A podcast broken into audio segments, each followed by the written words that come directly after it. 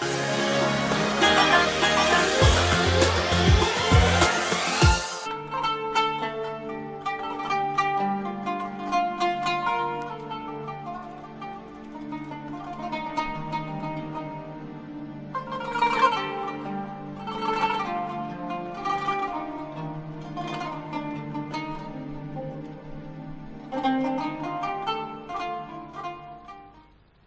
الله الرحمن الرحيم الحمد لله والصلاة والسلام على سيدنا رسول الله وآله وصحبه ومن والاه.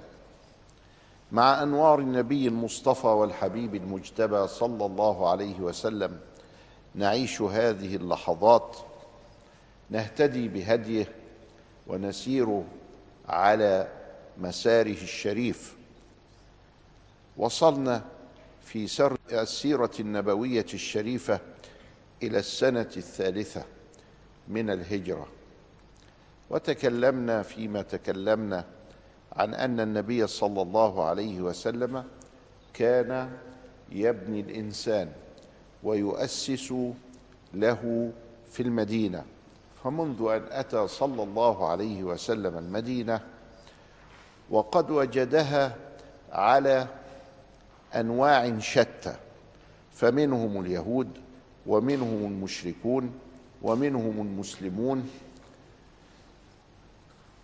ومنهم المنافقون أيضا. يعني من دخل الإسلام وأظهره ولكنه استبطن الكفر والعياذ بالله تعالى.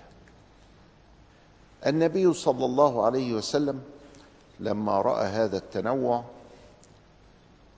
أحدث لنا نموذجا جلس يبنيه من السنة الأولى للهجرة وفي السنة الثانية وفي السنة الثالثة. هذا النموذج هو نموذج أرض التعدد. النموذج الأول كان في مكة وهي أرض شرك. كل من فيها يحارب رسول الله صلى الله عليه وسلم ويحارب الإسلام. لا يريد.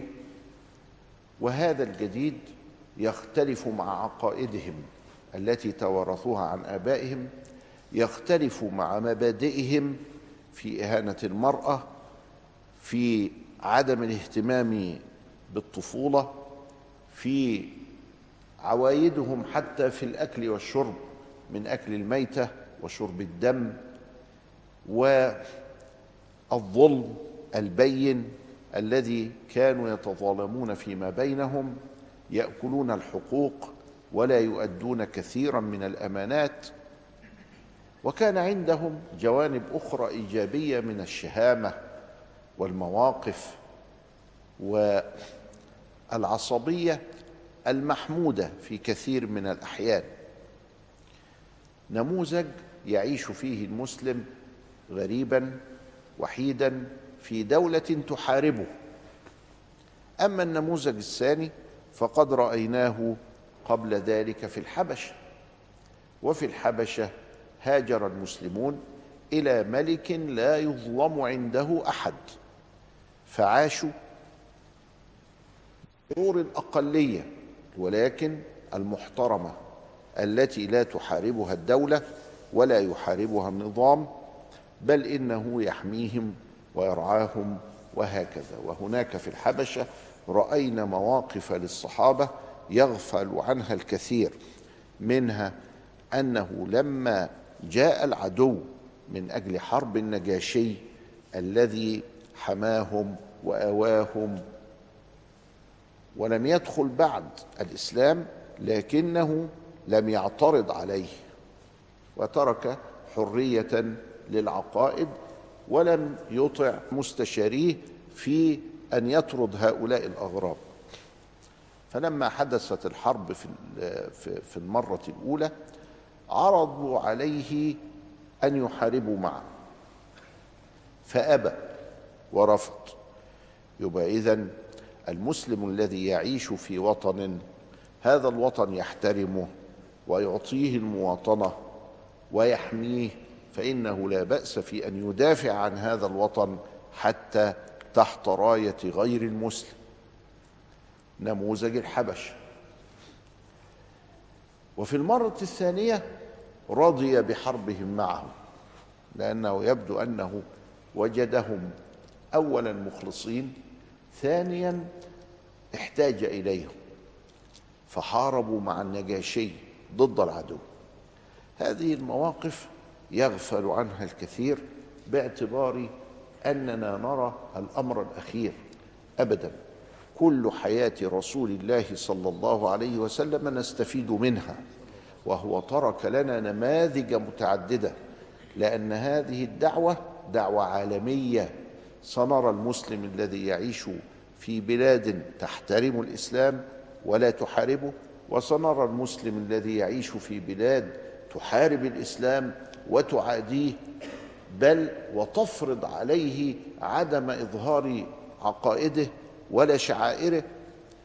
وسنرى المسلم في وطن تتعدد فيه الأديان والمذاهب والفرق. وسنرى المسلم في وطن ليس فيه إلا المسلمون. هذه النماذج الأربعة هي التي تركها لنا رسول الله صلى الله عليه وسلم. فلما وصل المدينة وجدها على حالة التعدد وهو النموذج الثالث. مكة كلهم مشركون كلهم يحاربون. بعدما قضى فيها نحو ثلاثة عشرة سنة أو أربعة عشر أربعة عشرة سنة فإنه لم يخرج إلا بمئتي رجل. مئتين إنسان كمان. لكنه في المدينة وبعد عشر سنين أو تسع أصبح في حجة الوداع من رآه مؤمنا به يحج معه 114 ألف واحد. لماذا؟ جاءت الأموال. فالمال عصب الحياة. مش كل حاجة في الحياة لكن لا لا ده مهم. المال ده مهم. يعني لا نحتقره ولا نقول لا توكل على الله ما فيش مال لا في مال المال مهم لكنه ليس كل شيء ليس هو كل شيء في الحياة لكنه مهم.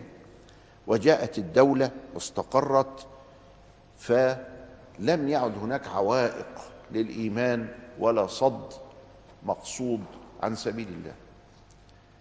ذهب إلى المدينة وفي هذه السنوات الثلاث وجد التعدد. فجلس أكثر من ثمان شهور يتصل بكل الطوائف باليهود ويجلس معهم بالمشركين بالمحيطين بالمدينة من الأعراب والقبائل ويتفاهم معهم ويتفاوض بحثا عن المشترك. فين المشترك اللي بيننا؟ حتى كتب صحيفة المدينة. لم يكتبها فجأة وإنما كتبها لأقوام متعددين. راعى فيها ما نسميه بلغة العصر المواطنة الحقوق والواجبات. فمن الحقوق الدفاع عن هذا المكان لأن الدولة لا تقوم إلا بمكان. ومن الحقوق المشاركة في البنيان ولذلك فرض عليهم أن يمدوه بالمال إذا ما حدث خلل في الاجتماع البشري في هذا المكان. والمتأمل في صحيفة المدينة يخرج منها كيف يبنى الدستور مع أقوام متعددين. كيف يبنى؟ بالاتصال لمدة ثمان شهور. بالاتفاق على المشترك. لم ينحي أحدا من أهل المدينة. لم ينحي المشركين ولم ينحي اليهود ولم ينحي المنافقين وهم أولى الناس بالتنحية. ولم ينحي المسلمين وهم قلة في ذلك الحين. لم تسلم المدينة كلها حينئذ. بل إنه بحث معهم وكل على انفراد ثم بعد ذلك أنشأ هذه الصحيفة التي هي محل اتفاق وإجماع بين الكافه هذه هي الطريقة الصحيحة لبناء الدستور. لبناء صحيفة المدينة أن يوافق عليها الفرقاء. هم فرقاء في العقيدة وفرقاء في المصالح وفرقاء في الغايات لكنهم لا بد أن يبحثوا عن المشترك الذي يؤسس لهذه الدولة الجديدة فلا يعتدي أحدهم على الآخر. بعد ذلك بدأ النبي في تطبيق هذه الصحيفة في السنة الثانية وفي السنة الثالثة التي نحن في مستهلها وندخل فيها. بعد الفاصل نتكلم في استمرار كيفية بنائه للإنسان عليه الصلاة والسلام.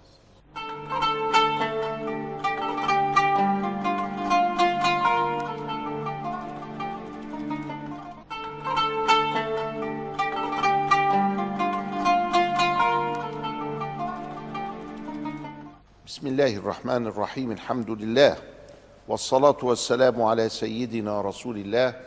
أخذ رسول الله صلى الله عليه وسلم في تعليم الصحابة الكرام.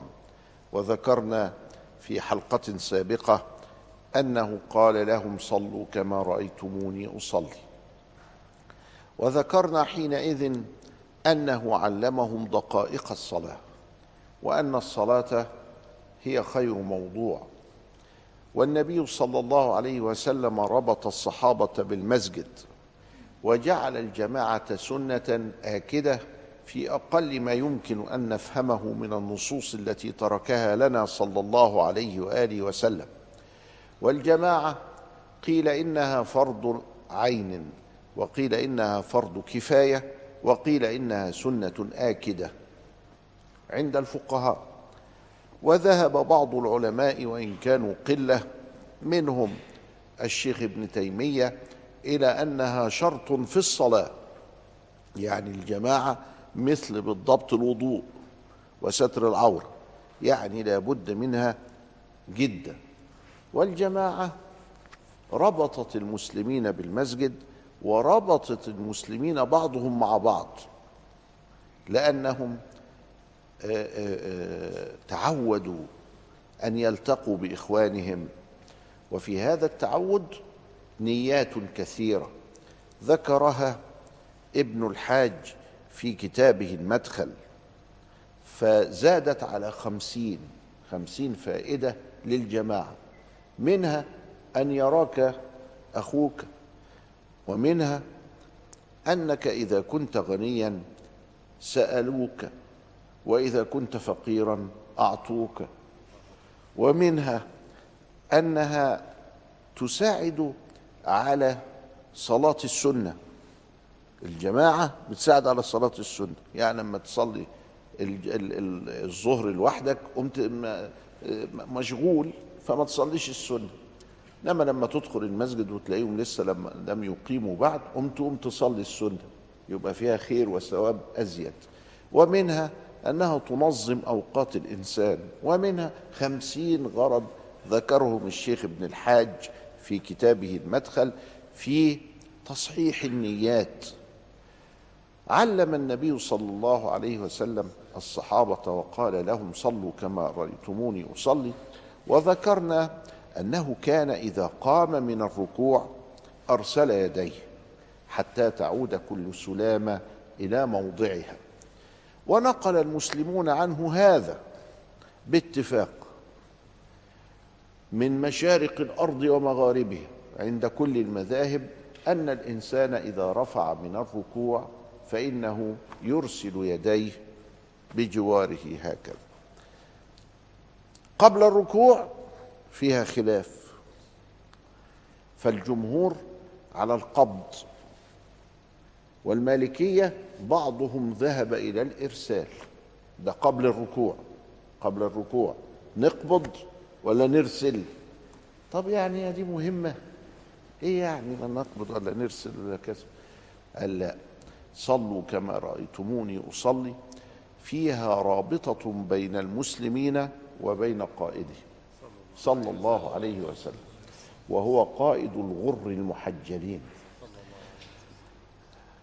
إنما لم يقل أحد إن الإنسان يحط إيده على إيده بعد الركوع ده ما شفناهاش. لكن شفناها في العصر الحديث. الواحد يقول سمع الله لمن حمده وإذ بيشبك إيه؟ الله. طب دي جايبينها منين؟ قعدنا نبحث. هم جابوها منين دي؟ مش موجودة. لم يقل بها أحد في العالمين لا من قبيل ولا من دبيل ما لقيناهاش فتشنا فما لقيناش وبعدين قالوا لنا لا ده في واحد ابن حلال من العلماء. علماء إزاي؟ ما لو كان من العلماء ما كانش قال كده. قال لا علماء ونص الله قال كده. واحد من العصر الحديث بتاعنا ده اللي إحنا فيه العصر النكد. الله طب وده غرضه إيه؟ غرضه إيه انه يخلي الفتنة دي والبدعة دي تشيع. فالمهم الحاصل ما احناش واخدين بالنا فلقينا إن الراجل مش فاهم الفرق بين المطلق والمقيد وبين العام والخاص. طب ما الناس كتير مش فاهم. أيوه بس هو عامل روحه عال. ما هي الأذية هنا كده.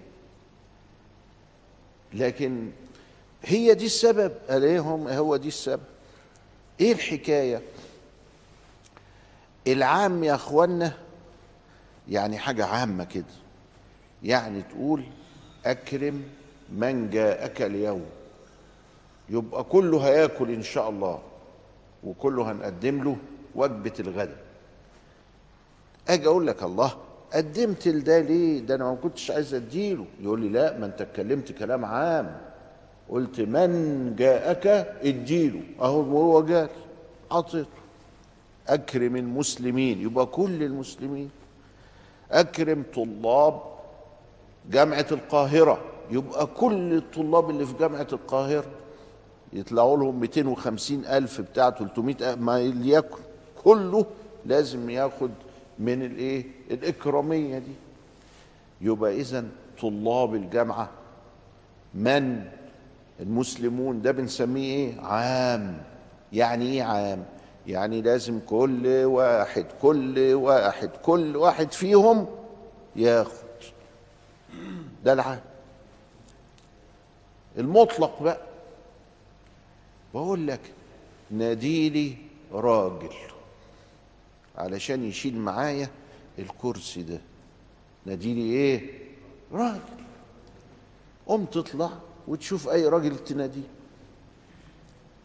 لو جبت لي مصري ينفع سوداني ينفع من القاهرة ينفع من اللي مش قاهرة ينفع. ما هو راجل.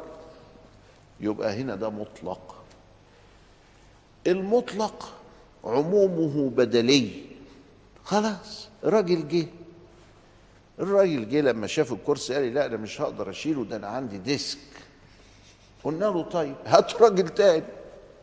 فجه الراجل التاني عشان يشيل مطلق يتحقق بنفر واحد بس. يبقى الفرق بين العام والمطلق إيه؟ إن المطلق يتحقق بأي واحد. والعام لازم يعم عام بقى لازم يعم الجميع. كان النبي يضع يده اليمنى على اليسرى في الصلاة. ده من قبيل العام وهو قائم في الصلاة. من قبيل العام ولا من قبيل المطلق؟ فهو عيني فهم خطأ إنه من قبيل العام. فلازم يبقى يحط كده قبل الركوع ويحط كده بعد الركوع. واخد بالك؟ قلنا له لا مش واخد بالك انت انت مش فاهم حاجة. ده دي من إيه؟ من قبيل المطلق. ولذلك الأولانية خلاص وكفت الحمد لله. ما هياش من قبيل العام ولا حاجة. ده من قبيل المطلق. ما انتش واخد لي بالك؟ طب لما هي من قبيل المطلق يبقى بعد الصلاة بعد الركوع بعد الركوع يبقى تحط إيديك جنبك. ليه؟ لأنه هو عمل كده. إزاي؟ لأنه قال حتى تعود كل سلامة إلى موضعها. يبقى إحنا نفذنا السنة الأولانية اللي هي إن أنا أحط إيدي اليمين على الشمال قبل الركوع ونفذنا التانية اللي هي إنه نحط إيدينا جنبينا بعد الركوع. طيب يعني لما يحط الواحد ايده يعني مثلا آه، طنش كده. ما في عندناش حاجة اسمها طنش. ليه؟ لأنه شوف الفرق. السادة المالكيه لما قالوا حط إيديكم قبل الركوع جنبيكم ولا كده؟ ورد ده وورد ده ده ورد وده ورد. لكن دي لم ترد. ده فهم جديد ناتج عن خطأ. وعدم تفريق بين العام وال- والمطلق. طب وده هيؤدي بينا إلى إيه؟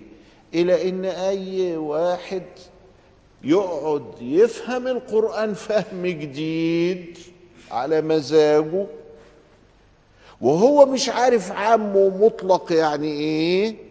فيطلع لنا بمصايب. أدي اللي إحنا بنحذر ونعملها قضية وزعلانين والناس بتقول الله ما أنتوا زعلانين من إيه؟ دي حاجة بسيطة.